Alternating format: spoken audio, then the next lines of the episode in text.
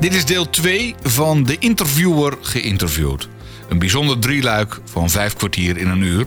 Het reportage- en interviewprogramma van Radio 509. Dit keer wordt interviewer Bas Barendrecht geïnterviewd.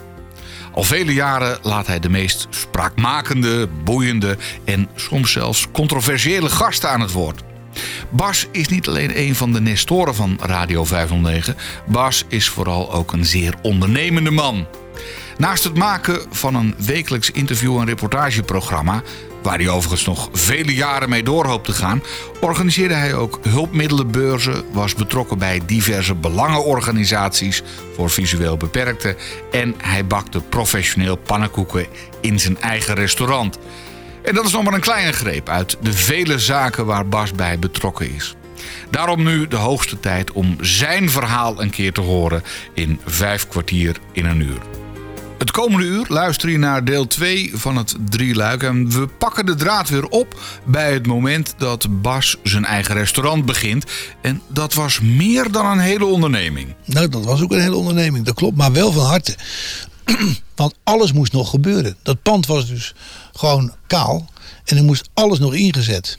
Ja. En uh, nou, daar kreeg ik overigens de medewerking van wat, me, wat medewerkers van en een en de bedrijfsactiviteiten ook van Dukdalf, van mijn vorige werkgever, die het eigenlijk ook wel, wel leuk vond dat ik dat deed uiteindelijk is het natuurlijk ook de bedoeling dat je ooit de wet sociale werkvoorziening verlaat. Alleen dat lukt bijna niemand. Dat is, dat, dat is de makke in dat verhaal. En je komt in de wet sociale werkvoorziening.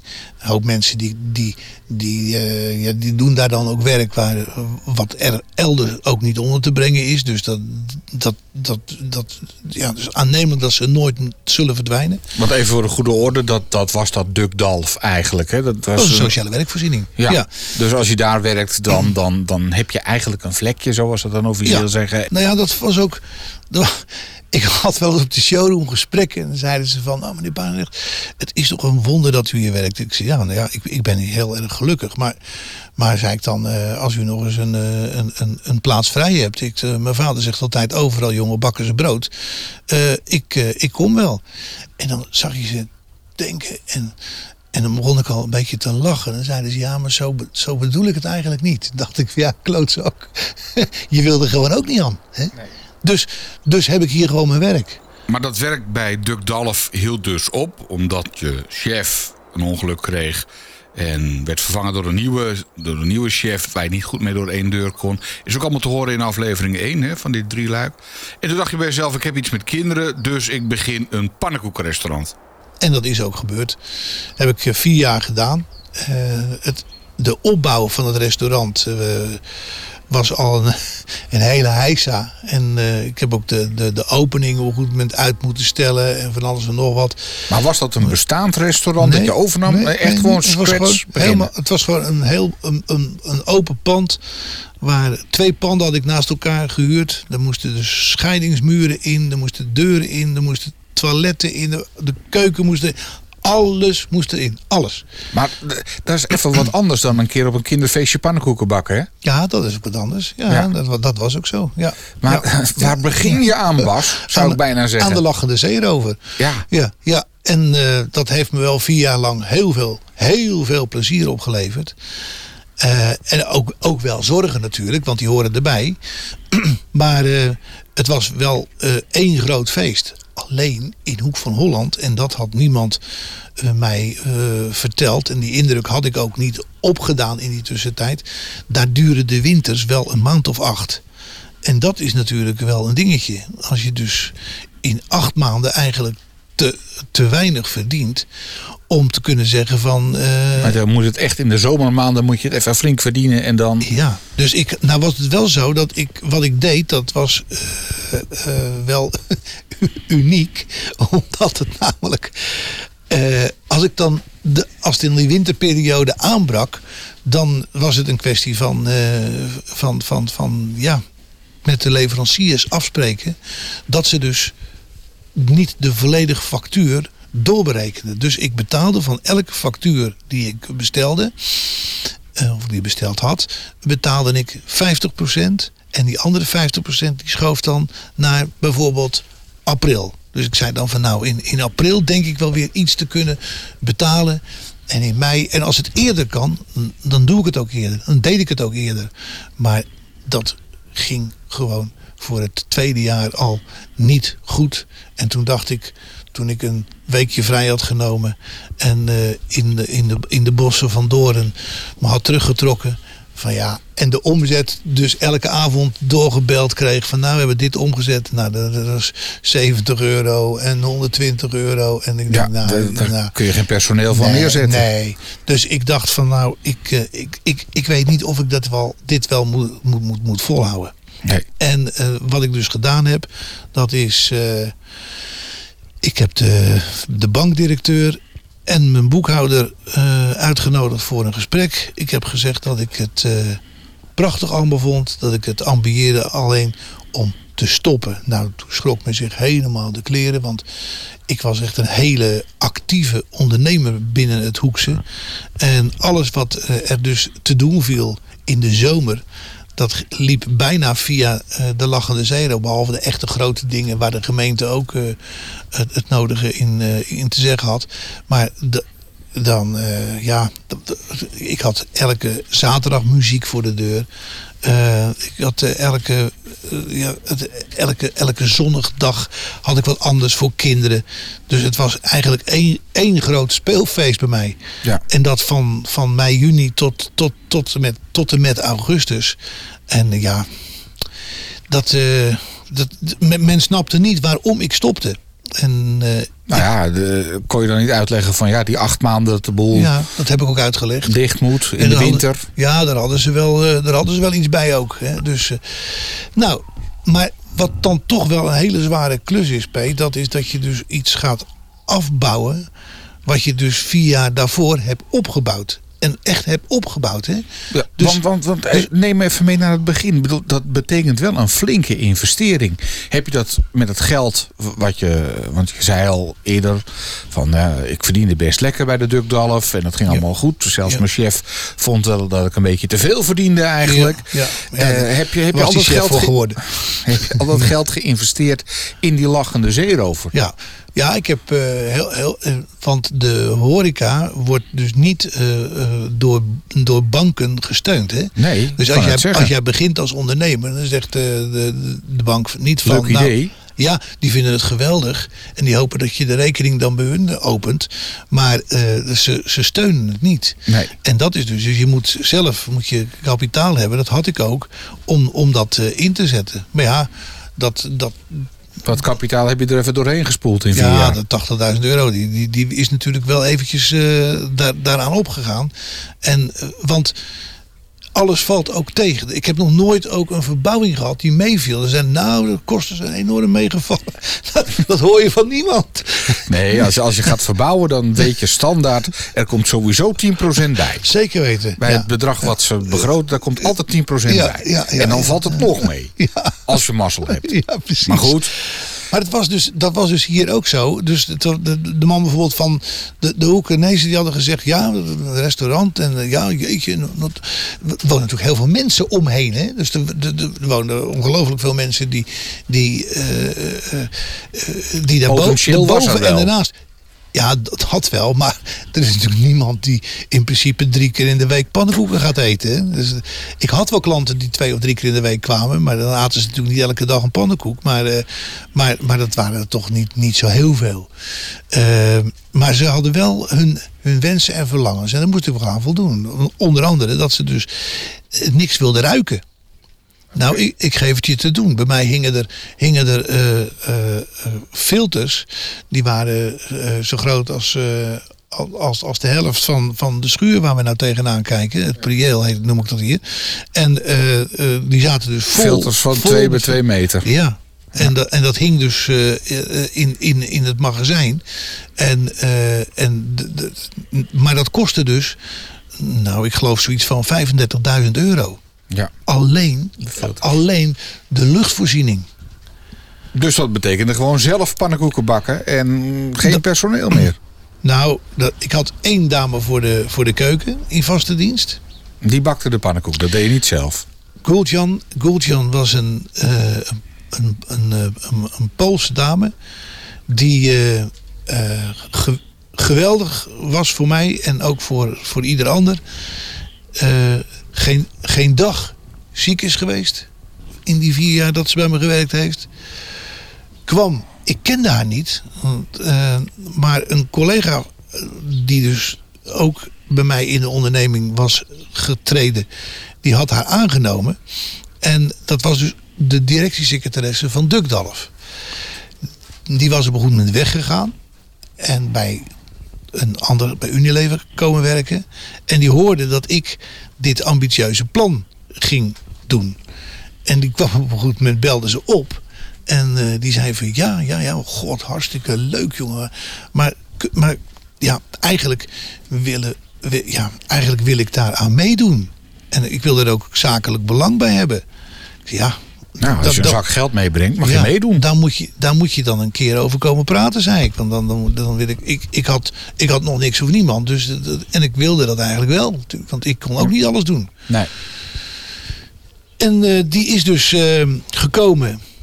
En ik heb toen gezegd van nou oké, eh, leuk joh, dan gaan we dat samen doen. Maar ik was dus al heel ver gevorderd. Ik was al aan het bouwen. Eh, eh, eh, alleen moest nog worden ingericht. Maar de rest, en ik had al bepaald wat het moest worden en, en zo. En dus Hebben ze je nooit voor gek verklaard, Bas? Dat ze zeggen van, Jawel. waar, waar ben je mee bezig, ja, man? ja, ja, ja, ja, dat Zoek toch gewoon een, een nieuwe baan ergens. En, en in plaats van een pannenkoekenrestaurant Ja. in je uppie beginnen. En, Ja, ja, ja, goed. Toen, kwam, Ja. toen had je een beetje hulp van eh, die directiesecretaresse. ja. Nou ja, dat, dat bleek het ook te zijn. Want kijk, eigenlijk was die horeca, dat was een, een, een, een, jonge frisse meid van tegen de 30. Hij had ook een, had ook een vriend die, eh, die bij de veiling een hele goede baan had. dus zij hoefde niet op haar salaris te, van haar salaris te leven. Zeg maar, had, had, had, een, had een vriend, eh, daar kon ze ook van, van, van leven. Ja. Dus ze Eh, kon het avontuur aangaan. Dat kon zij, ja. ja. Alleen dat ging toch niet goed. Ze had toch eh, ja, eh, moeite met de horeca. Het was eigenlijk ook een hele leuke secretaresse. eh, met hoge hakjes en een kort rokje en zo. En, maar, maar dat was het dus net niet. En toen op een goed moment heb ik ook tegen haar gezegd van Yvonne... ik denk dat je niet gelukkig wordt hier. Ik denk dat jij... Ik had me dus voorgesteld dat ik over tien jaar of, of zo... of twaalf jaar een keer zou stoppen. Dat ik dan de boel aan haar zou overdragen... en dat zij ermee verder zou kunnen. En dat haar kinderen ermee verder zouden kunnen. Ja, dat het zo een cyclus kreeg. Maar dat is het dus niet geworden. En eh, ik heb nog wel ook een kandidaat gehad die, eh, die, die zei van ik wil, ik wil graag met jou wil ik verder. Maar daar heb ik afgewezen. Ik heb gezegd, joh, als je dat wil doen, dan loop je echt zoveel risico. Dat wil ik je niet aandoen. Nee. En toen ben ik zelf ben ik, eh, ben ik gestopt. Ik heb het allemaal afgebouwd. Ik heb eh, tranen weggepinkt. Ik heb eh, gejankt. Ik heb alles, alles gedaan wat een mens. Ja, want vier jaar eh, van je leven dag en nacht werken. Ja, dag en nacht werken. En dan moet je ook tegen die Poolse juffrouw die in de keuken staat ook nog Ja. zeggen van... Sorry, kom maar niet meer, want het is klaar. Ja, allemaal yes. Ja, ja. En, maar goed, het is allemaal zo gegaan zoals het gegaan is. En uiteindelijk, uiteindelijk is toen wel weer een heel mooi stuk van mijn leven begonnen.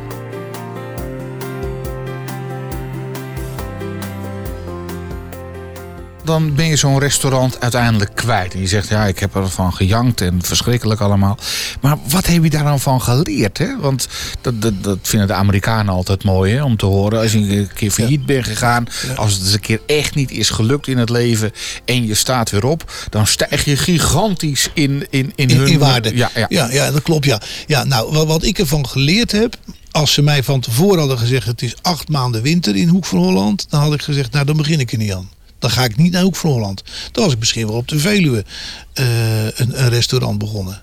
eh, waar het in de winter ook goed loopt. Dat, dat is het. Je moet gewoon echt heel veel goede informatie hebben eer je begint. Ja. Zou je ooit nog eens met een onderneming beginnen, dan ga je het gewoon voor jezelf zes keer checken. Ja, maar ik, dat doe ik niet, want ik ben 71, dus dat ga ik niet meer doen. Nou, daar wil ik later nog eens eh, even met je. Want volgens mij, als je de kans zou krijgen, zou je nog weer verder gaan ondernemen. Ja, maar niet op die manier. Nee, niet, nee. Niet, niet, niet, niet zo dat ik het risico loop. Je, je zei van ja, dat pannenkoekenrestaurant ben ik destijds begonnen. Uh, om, ja, het vond het leuk om met kinderen zoiets te doen. En, of tenminste iets voor kinderen te doen. Maar zelf heb je geen kinderen. Nee, dat heeft te maken met het feit dat ik albino ben. En uh, dat dat dus uh, erfelijk overdraaglijk is. En ik zei van ja, ik vind het niet erg om albinisme te hebben. Maar om nou te zeggen dat ik het iemand ga geven en, en, en ermee trakteer, dat kan ik niet zeggen. Dus, dus dat ga ik niet doen. Dan zou jouw nageslacht toch een, een vader hebben met een, uh, ja, een soort voorbeeldfunctie waaruit blijkt dat je toch met, ondanks het feit dat je albinisme hebt, een ontzettend eind kunt komen tot een pannenkoekenrestaurant ja, uh, onderneming toe. Ja, ja, allemaal ja. Maar je moet er die mentaliteit voor hebben en als dat kind die mentaliteit niet zou hebben. Dat zit toch ook in je genen, Bas? Ja, zou je dan toch ja. ook overdragen? Ik weet het niet hoor. Ik weet doorzetten? Niet. Ik heb in elk geval besloten niet voor kinderen te kiezen. En dat was ook een heel, een, een, een, een heel triest besluit. Maar uh, en, en voor Gerda ook, want die, die, die was blind. En uh, die was blind geworden doordat er te veel druk op de, op de zuurstof in de couveuse had gestaan. Dus er was helemaal geen reden waarom ze eigenlijk blind was. Maar dat was de enige reden. Mm -hmm. uh, dus haar, de toenmalige haar, vrouw? Haar kinderen, ja. Haar kinderen die uh, zouden dus heel, helemaal niet, niet blind of slechtziend worden. En ook geen albinisme hebben. Die zouden gewoon kerngezond zijn geweest. En uh, ja, wij hebben dus besloten om, om, om daar toch een, een, keuze in te maken. Wat betekende dat we ook voor onszelf. Hè, dat we zeiden van ja, als je kinderen op moet voeden. Tegenwoordig zijn er ook veel meer hulpmiddelen en dingetjes dat je zegt van nou oké, okay, we kunnen.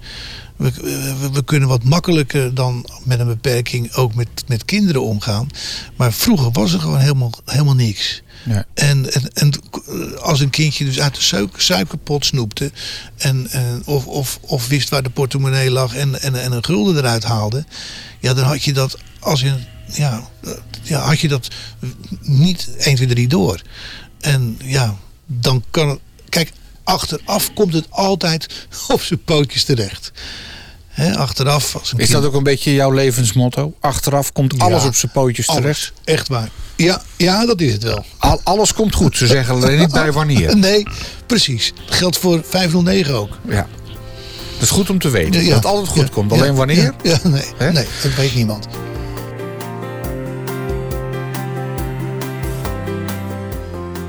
Eigen vader was beroepsmilitair en eigenlijk ook nooit echt thuis. Nee. Stel dat je vader geweest was. Ik vind dat altijd leuk, hè? even de what if ja, vragen. Ja, ja, what if, stel dat je toch vader was geweest. Uh, Zo'n ondernemende man. Was jij überhaupt ooit wel eens thuis geweest om je te kunnen bemoeien met de opvoeding dan? Nou, dat, dat denk ik niet. Want uh, we hebben het er al eerder over gehad. Hè? Je uh, had naast je banen, naast je beroep, zat je ook in allerlei actiegroepen en zo. En je was met van alles en nog wat bezig. Het hele basreizen, daar wil ik het ook nog even met je over hebben. Want dat was ook wel ambitieus. Eigenlijk was dat basreizen. Laten we het daar even over hebben. Het basreizen was eigenlijk voor het restaurant, hè? Ja, ja, ja, ja. ja. Ja, de, hoe, hoe, basreizen was in de, in de tachtige jaren. Hoe oud was je toen je met dat basreizen begon? In de dertig. Ja. 30, 32 of zo. En dat was eigenlijk gekomen. Ik was eerst was ik aan het skiën. Was ik met de skivereniging. Was ik penningmeester. Uit nood geboren overigens, maar dat ben ik wel gebleven. En reizenorganisator. En ik zei dus van als je nou wilt skiën, dan moet je voor de ongeveer dezelfde prijs weg kunnen als iemand die goed ziet. Dus ik ben me toen gaan inzetten op het feit dat mensen weg moesten kunnen met de bus. En dat scheelde, uh, nou zeg maar, het ruim 2000 gulden. Uh, kon bij mij kon je voor, voor, voor 699 gulden kon je uh, tien dagen met de bus naar, uh, naar Oostenrijk. En dan kon je heerlijk langlaufen of wandelen of wat ook. En dat heeft ongelooflijk veel mensen in die tijd getrokken naar de wintersport. Ja. Naar via de NVSV, de Nederlandse Visueel Gehandicapte Skivereniging. Ja, en, en dat organiseerde jij als Bas Reizen? Nee, dat organiseerde ik als Bas, als bestuurslid van, namens de NVSV. Maar toen op een goed moment toen kwam er een tijd dat ik dacht van ja, eigenlijk, toen was ik ook namelijk in de, uh, in, in, in, zat ik in het bestuur van een, van een club van de Blindenbond, die ook reizen organiseerde in de zomer. Ja, dat was wat. In de zomer. En toen had ik zoiets van: oké, uh, maar als je nou reizen in de zomer organiseert en reizen in de winter organiseert. Toen kwamen dus de problemen met de Blindenbond. Die hadden namelijk een bureau en dat functioneerde niet goed. Dan, een beetje een rommeltje. Een rommeltje. Organisatie. En toen, toen had ik zoiets van, nou, dan, dan kan ik het beter zelf doen. Als het nou toch een rommel is, dan kan ik het beter zelf doen, want ik kan het zelf beter. Ja. Nou, toen hadden we dus op enig moment hadden we de hele boel opgezet en echt alles opgezet. Iedereen, iedere vakantielocatie die we kenden en er weer naartoe wilden, hadden we gezegd van moet je luisteren. Ik wil hier een serieuze boeking doen voor volgend jaar, maar namens een andere organisatie. Maar de Blindenbond mag er niets van weten. Nou, iedereen was daar eigenlijk van gecharmeerd, want die Blindenbond die betaalde te langzaam. En nou ja, er waren allerlei problemen met de Blindenbond. Maar je was toen je zat nog wel op kantoor of je had nog contact met de blinde uh, bond of uh, de nee, voorloper? Toen, toen niet meer. Toen niet meer. Nee, nee je was nee, acuut persona nee, non grata geworden. Dat, dat was over. ja. Nee, nee dat, dat ging niet meer. Maar uh, ik, ik heb toen vier jaar lang, of bijna vijf jaar, heb ik reizen georganiseerd. En dat, dat, daar, daarbij werkte je echt helemaal de kleren. Want dat was natuurlijk echt gigantisch druk. En Gerda die kwam uh, smiddags thuis. Die had s morgens had ze de baan bij de gemeente. En die kwam smiddags thuis. En dan uh, ging de telefoon. En die bleef gaan en die bleef gaan. Nou, we konden dan nog s'avonds net eten. En ieder, want iedereen at dus tussen, tussen half zes en half zeven. eh, At iedereen. En daarna ging de telefoon weer tot tien uur. Dat, dat, dat was ons leven.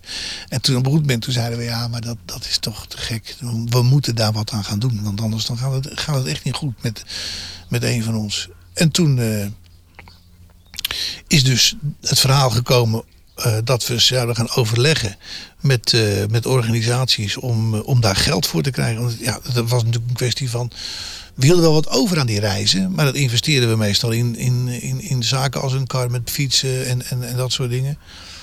En nou, toen zeiden we op een goed moment van ja, er, moet, moet gewoon 15.000 gulden komen per jaar of zo voor, voor een salaris. Ja. Nou, en toen ben ik dus uh, uiteindelijk terechtgekomen bij, uh, bij de Blindenbond. Bij toen voorzitter Rob van Vliet. En, uh, en dat is dus mislukt. En toen ben ik ermee gestopt. Toen heb ik in één keer gezegd, nou, nou ik, het schoot me zo ongelooflijk in mijn verkeerde keel gehad. Dat ik, dat ik al, al, al drie, vier maanden aan het overleggen was. En van, van hot naar her reed om te overleggen. En ik zei jongens, ik, ik stop met het overleg. En ik stop trouwens met de hele organisatie. Want dit is onverantwoord. Ik zit hier nou te overleggen terwijl ik op datzelfde moment ook dingen... Had een reis had kunnen organiseren ja, precies, weer. Ja. ja, precies. En dus... Uh, nou ja, en toen hebben zij dus overgenomen. En toen zijn ze, hebben ze, zijn ze dus in de schuld gekomen daarmee. En toen hebben ze het overgegeven aan Twin Travel.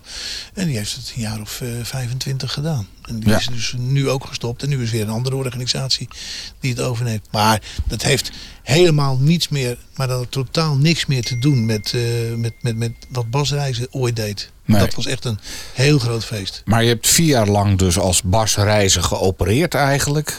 Ja, toch ook wel geëindigd in een, in een teleurstelling.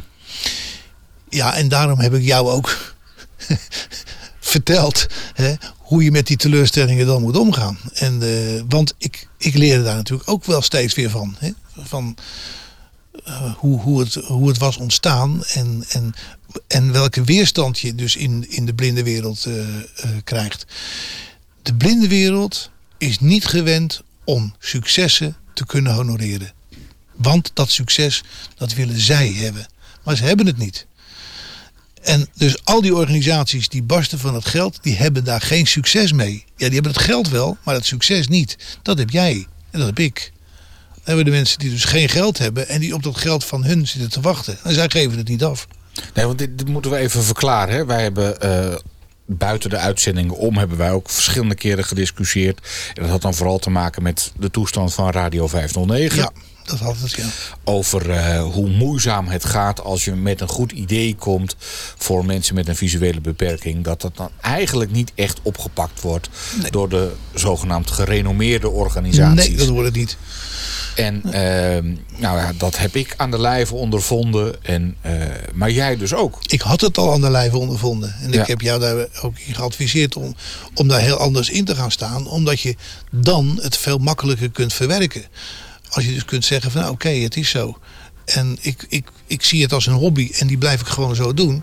Dan is dat prima. Maar als je dus zegt van ik wil er per se een beroep van maken. Of ik wil er per se een hoop geld mee verdienen. Nou, dat zal, dat zal het dus nooit worden.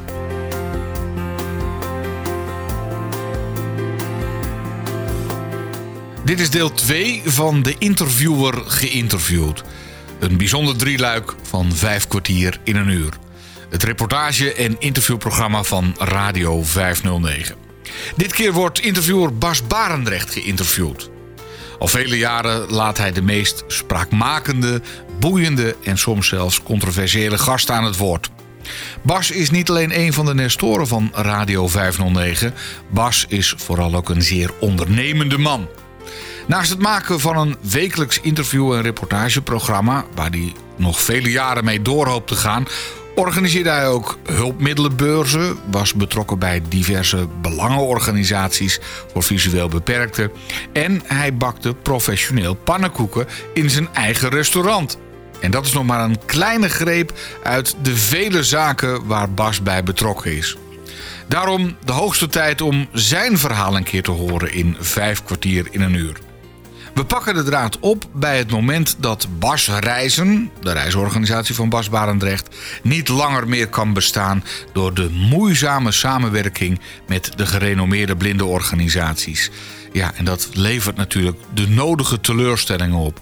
En hoe ga je daarmee om? Ja, ja als je daarmee kunt, uh, kunt omgaan. En, uh, Ruud, mijn, uh, mijn schoolgenoot en beste collega, die, die staat daar zeker ook zo in.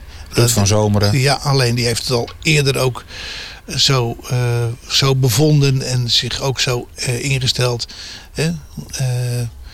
ja. We hebben dezelfde ervaringen en ook dezelfde bevindingen als het gaat zoals het nu gaat, dan, en jij hebt er ook vrede mee zoals het nu gaat, nou, dan, kunnen, dan kunnen we er allemaal oud mee worden. Ja. Maar als het dus als je begint uh, te, te morrelen en, en dingen wil die gewoon die nooit, nooit zullen komen, ja, dan gaat het niet goed. Nee.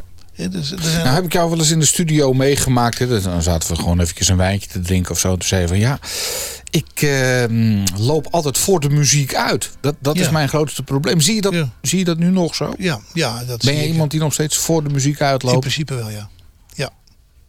Is, is dat ook hetgeen waardoor het dan ja, uiteindelijk niet gelukt is bij, bij de blinde organisatie? Uh, hè, want je had daar ook natuurlijk gewoon een, een, een, een, ja, weet ik veel, een simpel baantje kunnen nemen, krijgen. En dan de rest van je leven daar een beetje mee vergaderen met de rest. Ja, maar dat had ik dus nooit gedaan. Nou, had je wel kunnen doen. Had ik wel kunnen doen, ja. Maar dat heb ik, eh, dat, had ik dus, dat heb ik dus nooit gedaan. En ik heb, ben uh, drie jaar lang bestuurder geweest, uh, penningmeester geweest van de, van de NVBS toen. Dat was een hele leuke baan. Maar als vrijwilliger. En wat ik in eerste instantie heb gedaan, toen ik penningmeester werd, dat was mij uh, verwittigen van hoe anderen aankeken van buitenaf. Dus niet leden van de bond, maar buiten, buiten die groep om. Maar wel uit Blindeland tegen die organisatie. Daar heb ik een maand of twee ben ik daarmee bezig geweest. En dat uh, toen ik daar de indruk van had, toen heb ik daar mijn beleid op aangepast. Ben ik, want dat was in een tijd dat er ook, bezuinigd moest worden in allerlei toestanden. En ik moet zeggen, ik heb drie jaar lang ben ik penningmeester geweest. Drie jaar lang is er meer binnengekomen aanzienlijk meer binnengekomen dan er is eh, uitgegaan. En ik, eh, ik heb daar eh, een, een, een hele leuke tijd eh, gehad. Kijk, dat het afliep zoals niemand had verwacht. dat is weer wat anders. Maar ja, dat kwam omdat, omdat de voorzitter een, eigenlijk een, een, spaak in het wiel was. Ja. Het is eigenlijk niet echt een positieve ja, periode met die blinde clubs. Nee, Ja. nee, nee. Nee, daarom moet je er ook eh, eh, eh, waakzaam op zijn dat, dat je daar niet te veel, dat je van die blinde clubs ook niet te veel aantrekt. Je moet gewoon je eigen weg gaan. Dat moet je altijd, maar zeker in blindenland. Je zei al, ik, ik, ik, ben penningmeester geweest. Wat zou je doen met een miljoen, Bas? Stel, je wordt morgen wakker en er staat... eh, je, je, Ik kijk op mijn rekening, je- ik ja, verrek, er is een miljoen bijgeschreven. een met zes nullen. Ja, Hè, kan een erfenis of een prijs zijn. nou, dan bel ik, dan bel ik, bel ik bijvoorbeeld jou en dan zeg ik, eh, Peet, eh, ik heb gezien dat ik heel veel geld heb. En ik word wel honderd, maar dat maak ik niet meer op voor mijn honderdste. Ik denk dat ik, dat ik, dat ik zo, zo te werk ga. Want het moet. Het, kijk, er zijn heel veel goede doelen waar je het echt aan kwijt kunt. En dan praat ik niet over, over organisaties die eh, iedereen kent en, en, en waar iedereen ook al wat eh, van tijd tot tijd aan geeft. Maar organisaties zoals 509. Je zou het in de radio steken, uiteindelijk. Bijvoorbeeld wel, ja. Ja. Ja.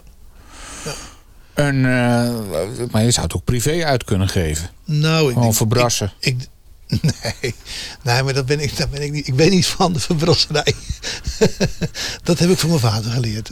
Nou ja, je hebt, genoeg, je hebt genoeg zaken gedaan met organisaties waar ze dat wel deden. ja. Nooit maar- eens gedacht van... Maar nou, nooit in mijn tijd. nee? No- nee, no- nooit in mijn tijd. Ik heb bij de skivereniging heb ik echt eh, had ik leuk, leuk overgehouden toen ik wegging. En bij de eh, stichting Basreizen hebben we altijd, altijd eh, genoeg op onze rekening gehad om alles te kunnen betalen. Ik heb eh, bij, de, eh, bij het restaurant heb ik ook altijd. Ik, heb iedereen, ik kan iedereen recht in de ogen kijken. Ondanks het feit dat het echt heel, heel erg moeilijk is geweest. En bij de NVBS is het, eh, is het, is het, is het niet zo. Toen had ik op een gegeven ogenblik zoveel geld. dat ik ehm, heb gezegd: van we kunnen dat misschien toch beter steken in een fonds. wat we eh, separaat houden. zodat het niet mogelijk is om aan al het geld te komen. Want een aantal bestuurders die hadden flink eh, huis gehouden en, eh, en vonden dat dit en dat en zus en zo. Nou goed. De Nederlandse Blindenbond is, is een hele rijke organisatie geweest. Ehm, die enorme erfenissen he- hebben gekregen. En dat was prachtig. Maar het geld is er helemaal niet meer Waar is dat dan opgegaan dan? opge, op aan flut. Gewoon aan, aan Vergaderen op dure locaties. en zo. En afdelingen die zeiden van nou, ik heb dit nodig, ik heb dat nodig. Zelf ook genoeg hadden, maar gewoon het geld kregen. En ja, dan ben je toch gauw door een, door een paar miljoen heen natuurlijk. eh. En toen heb ik gezegd van nou, als ik nou een paar miljoen heb, dat had ik dus als penningmeester op een gegeven moment. Dan eh, wil ik toch dat die paar miljoen gereserveerd wordt voor, voor iets bijzonders. En eh, daar moet een aparte, een aparte fonds voor komen. En daar zet ik ook eh, bestuurders op. Waarvan ik weet dat ze echt heel knieperig zijn. Ja, dat ze niet hun keuken laten verbouwen onder het motto. Dat nee, is ook wel grappig. Nee, nee. En dat is ook gebeurd. En tot groot ongenoegen van de bestuurders die na mij gekomen zijn. Want die konden dus niet meer aan het geld komen. En dat geeft een beetje aan dat het toch wel eh, noodzakelijk was dat zoiets een keer gebeurde. Maar goed, Uiteindelijk is het toch verdampt. nee, dat geldt niet. Dat geldt niet. dat zit nog steeds ergens nee, in een pot. zit nog steeds in een pot. Ja, ja. Oké. dat kan niet verdampen. Dat, dat kan alleen maar verdampen als die bestuurders van dat fonds allemaal van mening eh, zijn dat dat idee wat dat andere bestuur heeft en om dat geld komt, eh, dat dat heel goed is. Ja. Nou, dan, eh, dan Misschien moeten we daar dan toch nog eens een keer gaan praten. Als Radio 509 zijn. ja, ja, misschien, misschien, ja. Maar goed, even terug naar de miljoen op jouw rekening. Die staat, er, die staat er niet op. Maar stel dat er een miljoen op staat. hè, Zou je toch niet eens een keertje lekker willen verbrassen? Gewoon lekker verbrassen, Bas. Nee, nee, nee, dat doe ik niet. Ik heb, Nee? hier, ik heb hier een huis en daar woon ik eh, naar, mijn- naar mijn zin. En je ik, hebt niet zoiets van, nou, dan zou ik lekker een wereldreis maken. Of eh, ik heb nog een bepaalde plek op aarde. Zou ik toch nog wel eens naartoe willen. En nou ja. Ja, Nou, dat- dat kan dan, hè? Dat kan dan. Het kan. Het kan. Ja, ja, business class er naartoe gevlogen. Geen gezeur. maar dat kost tegenwoordig ook niks meer. Hoor. De staat, die- de Nou. staat die subsidieert. Daar is een leuk aan. Ja, maar goed. Heb je, heb je niet één plek op aarde, Bas, waarvan je zegt... nou, ik zou die oud-tante in Australië nog wel eens op willen zoeken? Of, Nee. eh, Ik heb nou, één plek op aarde waar ik nog een keer naartoe wil. en Dat is Israël. Daar ben ik in 1985 met, eh, met, dan, met, met de. Blindenbond geweest. En eh, met de Blindenbond geweest? Nee, niks ervan. Met basreizen geweest. En eh, dat was een, een fantastische reis. Ik, eh, ik wist niet dat, dat, dat mensen zo aardig konden zijn. En dat het zo. En, en ik heb daar zoveel, zoveel gezien en zoveel respect voor die mensen. Dat ik zei van nou, ik kom, ik kom echt snel nog eens. Ja. Maar dat is er dus nog niet van gekomen. Nou, dus dat, Ja. dat zou Ja. toch Ja. moeten gebeuren. maar dan hebben we dat miljoen nog niet op, Peet. Nee, daar heb je nog lang niet op. dan- Sterker nee. nog, als jij business class naar, eh, hè, of first class naar eh, Tel Aviv vliegt. Ja, dat is eh, een paar duizend euro te regelen. Nou, dat, dat bedoel ik. Dus, eh, een mooi hotel in Tel Aviv, hè, waar je dan natuurlijk wel eh, ook rekening moet houden met eventuele aanslagen. Dus je moet snel de weg naar de schuilkelder weten. ja, ik, ben- ik ben er ook een keer geweest namelijk. En toen gingen ze ook uitleggen dat je, dat je snel, desnoods in je blote kont, naar de schuilkelder moest kunnen lopen. maar dat was allemaal niet nodig. Is gelukkig niet gebeurd. Nee, nee, nee. Maar ehm, ja, dan toch nog een keer naar de klaagmuur. En eh, een keer naar Jeruzalem natuurlijk. En ja, eh, je weet hoe een Israëliër slaapt, hè? Nee. Met één, één oog open. Oh. Nou, dat zou zomaar kunnen. Ja, dat zeggen ze altijd. Israëliër slaapt nooit met beide ogen dicht.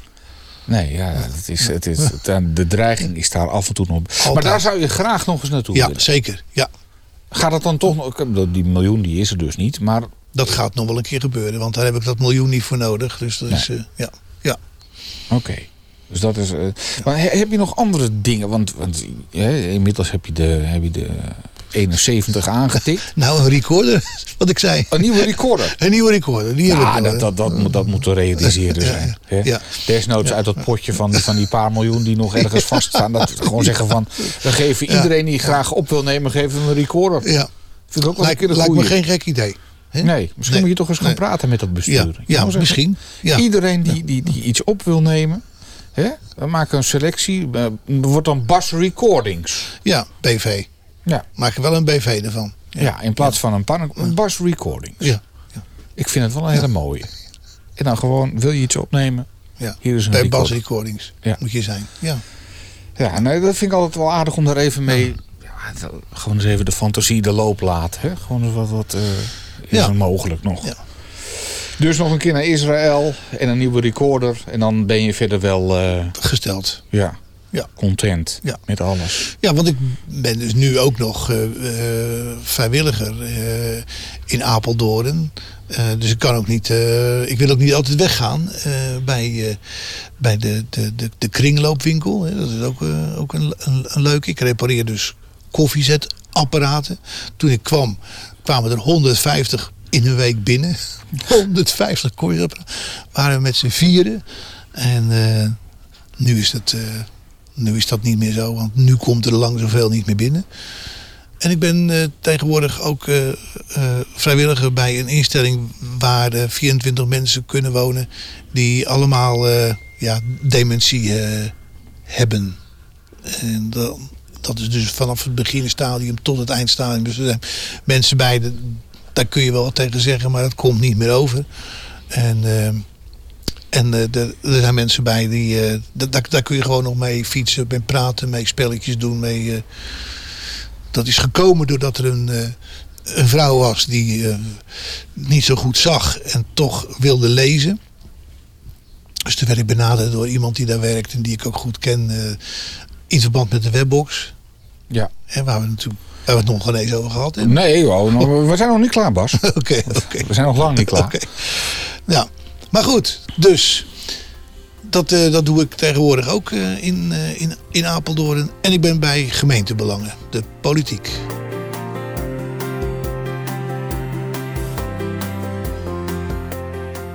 Slaap je wel eens, Bas? Ja, als ja, ik, ik als ik slaap- dit, ik als ik slaap ook- zo ik hoor, slaap dan ook- denk ik... Ik slaap ook uitstekend, moet ik zeggen. Vanaf een uur of twaalf tot, eh tot morgens een uur of acht, negen ben ik... eh, Oh, dan, dan doe je even niks. dan Dan- doe ik even niks, ja. Nee. Dan, dan, dan denk ik na en dan... eh, Oké, dus je pakt toch nog wel acht uur slaap. Want als ik dit allemaal zo hoor, als er iemand een bezige bij is, dan ben jij het ja, wel. dat ben ik ook. Dat klopt, ja. ja. En dat moet je ook blijven. Ik denk dat als je dat niet meer bent, dan word je gauw oud. Hoe oud wil je eigenlijk worden? Je bent- 100. 100. Ja. Dus je hebt echt zoiets van dat... eh, 29 jaar nog, nu. Oké. Dus, dus als jij dan dat allemaal mag meebeleven. Ik hoop er ook nog wel 29 jaar te zijn. Ja. Ja, toch? Ja. Ja. dat kan toch wel? Ja. Maar waarom precies 100? Is dat, eh, je hebt, Nou ja, ik, ik wil gewoon Mag- een eeuw het- bestaan hebben. Het mag ook 103 zijn, dat maakt mij niet uit. Maar ik wil ook wel 100 worden. Ja, ik heb zoiets van 101.1. Dat was namelijk de frequentie waar ik vroeger op uitzond. Oké. Ik denk me dan leuk, als je 101 bent en dan nog één maand erbij en dan is het klaar. Dan heb je gewoon Oké, 101. Ja, is leuk. Ja, ik kan me voorstellen dat jij dat hebt. Ja, ja. ja. In, in goede gezondheid natuurlijk. Hè? Dat is ja dat, is, dat is zeker een voorwaarde. Kijk, als de gezondheid zo, eh, zo beroerd wordt dat je eh, van, van, ja, van het een naar het ander hobbelt om, om je leven te blijven, dan kun je beter eh, ja, hopen dat het toch niet zo lang meer duurt. Wat zou er uiteindelijk op jouw eh, grafsteen moeten staan? Of ga je voor crematie? Nou, zelfs dat weet ik niet, maar hij was altijd bezig, vind ik wel een. eh, Hij was altijd bezig. ja, ja, ja. Ja. Ja. Ja, dat vind ik wel een hele leuke afsluiting. Oké, dat is, dat is misschien ook wel een aardige. Ja. En, en hoe, hoe zou je herinnerd willen worden? Je wil nog een goede 29 jaar mee. Maar laten we zeggen over, eh, over, over 40 jaar. Hoe moeten ze dan terugdenken aan, eh, aan Bastiaan Barendrecht? Nou, ik weet niet of ze dat moeten doen. Nee? Nee, ik denk niet dat. Nee, ik denk dat het over 40 jaar is, ziet het er hier voor nu onvoorstelbaar uit. Ge- Geen straat in Apeldoorn, de, Nee, de, de nee, Bastiaan nee, Avenue. nee, nee, nee, nee, nee. Of, eh, Nee, nee, laat het maar in Israël zijn. Maar nee, nee, dat, dat, in dat- Israël. dat weet ik niet. Nee, Ja. Een- leuk zijstraatje ergens in Oost-Jeruzalem. De Bastiaanrood. Ja. ja, dat zie ik eh, meer zitten. Maar nee hoor, voor mij hoeven, hoeven ze niet meer aan me te denken als ik dood ben. Nee. Dus, dan is het gewoon geweest. Dan is mijn tijd voorbij. Het, het moet echt in het hier en nu zijn. Het moet hier en nu zijn. Ja. Ja. Ja. En dan in het hier en nu liefst nog een keer even naar Israël. Wat, wat heb je eigenlijk met Israël? Het is toch wel een, eh, ja, een Nou moeilijk gebied hoor. Hè? Ik bedoel, Ja, maar eh, dat, dat, dat, dat zal nooit veranderen. nee. Dat zal nooit veranderen. En, eh, Maar wat heb Maar- jij ermee? Wat, wat, nou wat- dat, ze daar toch dingen, dat ze daar toch dingen overeind houden. Die, die, die, die, die we hier eigenlijk ha- haast niet voor mogelijk achten. En dat vind ik eh, heel, eh, heel respectabel. Eh, irrigatiesystemen en zo, jongen. Als ik dan kijk hoe die mensen ook leven met elkaar. En, en ja, fantastisch. Ik vind het echt zo waardevol en respectvol vind ik het. Ja. Ja. Ik ben altijd erg onder de indruk van hun geheime dienst. ja. Wij, Ja, wij gebruiken wel- namelijk een apparaatje wat eh, geheime dienst heeft van Israël. De Mossad heeft een apparaatje gemaakt waardoor je stemmen, hè, dus als je mensen af wil luisteren, stemmen heel goed op kunt nemen. Ook als er ruis op de lijn zit, je Ja. luistert iemand af, Ja. dan nou, daar hebben ze een speciale techniek voor ontworpen. De techniek die ze daarvoor hebben bedacht, die hebben we bij Radio 509 inmiddels in een kastje zitten, wat ervoor zorgt dat alle stemmen altijd extra goed verstaanbaar zijn op de radio. Komt dus eigenlijk gewoon van Uit die ontwikkeling. Ja, ja. Dus dat, dat hebben zij ontwikkeld. Ja. Aanvankelijk voor het afluisteren. En daar maken we nu dankbaar gebruik van. Leuk. Dus dat is mijn link. Ik ben namelijk in Israël bij dat bedrijf geweest destijds. Maar goed, jij gaat er nog een keer naartoe. Ik hoef er eigenlijk niet meer heen. Want Waarom ik vond niet? De, de constante. eh, ik vond het in zoverre een beetje eng. T- Toen ik er was, was er net een, een, een, een raket die door het ijzeren. eh, ze hebben een Iron Dome, hè, afweer geschud, Ja. wat alles tegen zou moeten Ja, houden. ja. Maar af en toe gaat er toch wat doorheen. En die was in een discotheek terechtgekomen. Ja. En die discotheek die werd eigenlijk eh, opgeruimd en ze deden alsof er niks aan de hand was. Het was echt zo van, nou oké, er is een bom gevallen, we ruimen het op. Zelfs menselijke resten, ja, het klinkt luguber. Ja. Vertel. Het, het, wordt, het wordt opgeruimd en we gaan door. Ja, En ik vond dat eigenlijk gewoon, ja, ik weet niet, ik kreeg er een heel naar gevoel ja bij. dat snap ik. Ja, En er werd echt gewoon, eh, ik was er de anderhalve week. En na die anderhalve week was gewoon de hele tent was weer keurig opgeruimd. En alsof er niets gebeurd was. ongelooflijk. Terwijl er dus echt gewoon, ja, er was een of andere zelfgebouwde Kassam-raket was er ingeschoten. En, en, en ik weet niet hoeveel doden. En, en ja, opruimen door. Ongelooflijk. En die, Ja. ja. aan de ene kant kan je zeggen, fantastische mentaliteit. Hè, want we, gaan- we gaan Ja. door. Maar aan de andere Ja. kant, ja, ik weet, Ja, ja, ja, ik ja, weet nee, niet. ik, ik, ik kan me wel iets bij voorstellen dat je er even niet goed van werd. eh, Ja. ja. Dus eh, het is een plek waar jij graag nog een keer naartoe zou Ja. willen. En dan toch ook de klaagmuur. Nog eens even flink klagen. Nou, nee, ik ben niet van de klagerij. Dus eh, dat is eh, misschien wel als ik niet, in, niet meer in conditie ben. Dat ik nog één keer wil klagen. Dan, ja, dan, dan ga ik wel naar de, naar de klaagmuur, ja. Ja, maar dat is natuurlijk toch ook iets joods, hè? Lekker klagen. Ja, dat is ook wel iets bijzonders, ja. Ah, er wordt heel wat afgeklaagd hoor, aan die muur.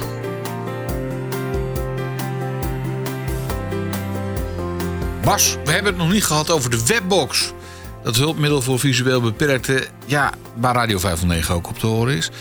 Jij hebt meegewerkt aan de ontwikkeling van de Orion webbox. Nou, sterker nog, hij zou er niet geweest zijn als ik niet naar Karel was gegaan. Met de opmerking dat ook blinden en slechtzienden graag gebruik zouden willen maken van de, eh, eh, van, van, van de kerkwebradio. Maar dan om te lezen. Want dat was eigenlijk de reden. Mijn buurman in Hoek van Holland, die zei toen ik een, eh, bij hem zat te eten. Want toen ik mijn restaurant niet meer had, toen had ik gezegd van joh, ik kook drie keer in de week, want jullie werken. En dan eh, twee dagen werkten ze niet, dus dan, eh, of was er iemand thuis. Dus eh, nou, dan ging ik koken en dan kwamen de kindertjes, die kwamen de pannetjes halen en die sjouwden ze dan naar de buren en ik ging erachteraan. En aten we gezamenlijk en dan na het journaal dan hoorde ik buur. Dan had hij de pannen in de afwasautomaat gehad en die waren dan weer schoon. En die kwamen via de achterkant kwamen ze weer terug. En de volgende dag eh, gingen ze via de voorkant er weer in. Ik ga vanavond iets bijzonders doen. Ik ga namelijk mensen erg gelukkig maken. Ik zeg, wat ga je dan doen, Ger?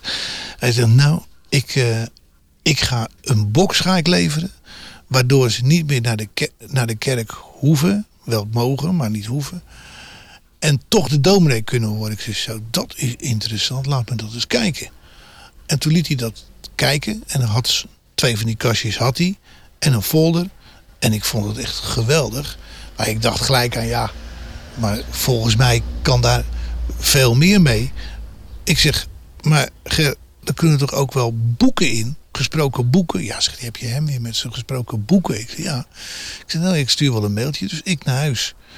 En eh, naar boven, daar stond de computer. Toen heb ik eh, Karel gemaild, eh, bijna 18 jaar geleden. En Dat is Karel hè, van Solutions Radio uit Delft. Die, ja, die de kastjes, of tenminste die kerkradio, aanvankelijk ontwikkeld had. En die schreef terug dat hij niet in de gelegenheid was om mij eh, serieus te woord te staan, omdat hij nou in Canada zat. Maar eh, eh, dat hij graag over 14 dagen in Delft met me zou spreken. En dan en dan, dan die en die tijd. En nou oké. Dus ik naar Delft. En nou, dat was een bijzondere, fijne ontmoeting, zoals je die met Karel eigenlijk uitsluitend kunt hebben. En toen hebben we gelijk afgesproken dat we dus naast de belangstelling die we vanaf dat moment voor elkaar eh, hadden en voor elkaars handel, dat we elkaar ook nooit meer zouden loslaten. En dat ik hem de weg zou wijzen in Blindeland. Dat heb ik ook gedaan. Ik heb hem dus eerst, eh, eerst hebben we dus de, webbox heel snel gepresenteerd op de ZISO-beurs. En toen eh, hebben we daarna hebben we de webbox aangepast aan een speciale groep van 50 mensen die zo'n kastje hebben gekregen. En dan konden ze dus alles op ontvangen wat we op dat moment erin hadden gedaan. Dat waren dus een paar boeken En dat was dus de, de ANP-nieuws. En tot ik op een goed moment zei van... eh, maar Karel, is het niet nuttig dat we... om aan te tonen hoe snel het allemaal werkt... dat we toch een soort van actualiteitenrubriek erin zouden hebben. Dat er dagelijks toch actualiteiten in te beluisteren zijn. Ja, nou, ik ken wel iemand, een goede vriend, Krit Wilshuis. Die wil het misschien wel doen. Dus ik naar Krit en ik gevraagd. En ja, nee, dat, nou, dat vond hij wel eh, de moeite waard. En die is toen eh, uiteindelijk Horizon eh, begonnen. Dat heeft eh, tot voor kort in de webbox gezeten. En eh, nou ja, dat trok op een goed moment trok die webbox zo allemachtig veel, alle, allemachtig veel mensen. Dat, eh, dat, eh, ja, dat, dat, dat er veel meer in kwam. Veel meer boeken en veel meer bladen. En, veel, ja, en wat er nu allemaal in zit met de ondertiteling die er dus bijgekomen is. Omdat er mensen waren die konden de ondertiteling niet meer lezen. En die hadden toch heel erg behoefte aan, aan toch die ondersteuning eh, bij de tv-programma's. Hebben die het ook ingezet. We hebben speciaal een, een ding ontwikkeld voor de ondertiteling. En nu is er ook een die de vergroting eh, regelt van de ondertiteling. Dus, en in gesproken vorm en als vergroting. Ja, het is fantastisch. En toen heb ik op een goed moment, toen, eh, nou in de 63 of 4, wat was het? Toen was ik 63 of 64. Tegen Karel gezegd van joh, weet je wat, je kan het nou volgens mij wel heel erg goed zelf met een professionele organisatie. En uh, Oké, okay, nou dat... Ik ga door naar het volgende onderdeel. Uh, nou, dat was een onaangenaam onderdeel, want toen kreeg ik twee melanomen. dat was wel wat anders. Dat was een onderdeel waar bijna mijn leven mee afgesloten had kunnen worden. Zo'n vorm van kanker, toch? Ja, dat is de ergste vorm van huidkanker, ja. ja. Dus hebben ze, eerst hebben ze, bij de eerste melanoom hebben ze een gat in mijn nek gesneden van, uh, met een diameter van, van, van een centimeter of 7, 8. Daar konden ze een blikje cola in worden gezet. Dat heeft 13 weken geduurd voordat die wond dicht was. Toen kwam, ik bij de specialist. Hij zegt, nou meneer Barnert, ze hebben u flink te pakken genomen. Ik zei, ja, maar kijk nou eens goed of, uh, of het nog wel goed is. Ja, is goed. Ik zie toch wat bij uw knie. Dat toch eventjes een biopsie nemen. Nou, belde hij 14 dagen later op. Hij zegt, u heeft weer een melanoom, helaas. Ik zeg, dat meen je niet. Ja. Toen ben ik dus nog een keer aan een melanoom geholpen. Dat was dus... Eigenlijk ben ik drie keer geopereerd in een half jaar tijd. En of Bas hier weer helemaal 100% bovenop gekomen is, hoor je volgende week zondag in deel 3 van De Interviewer geïnterviewd.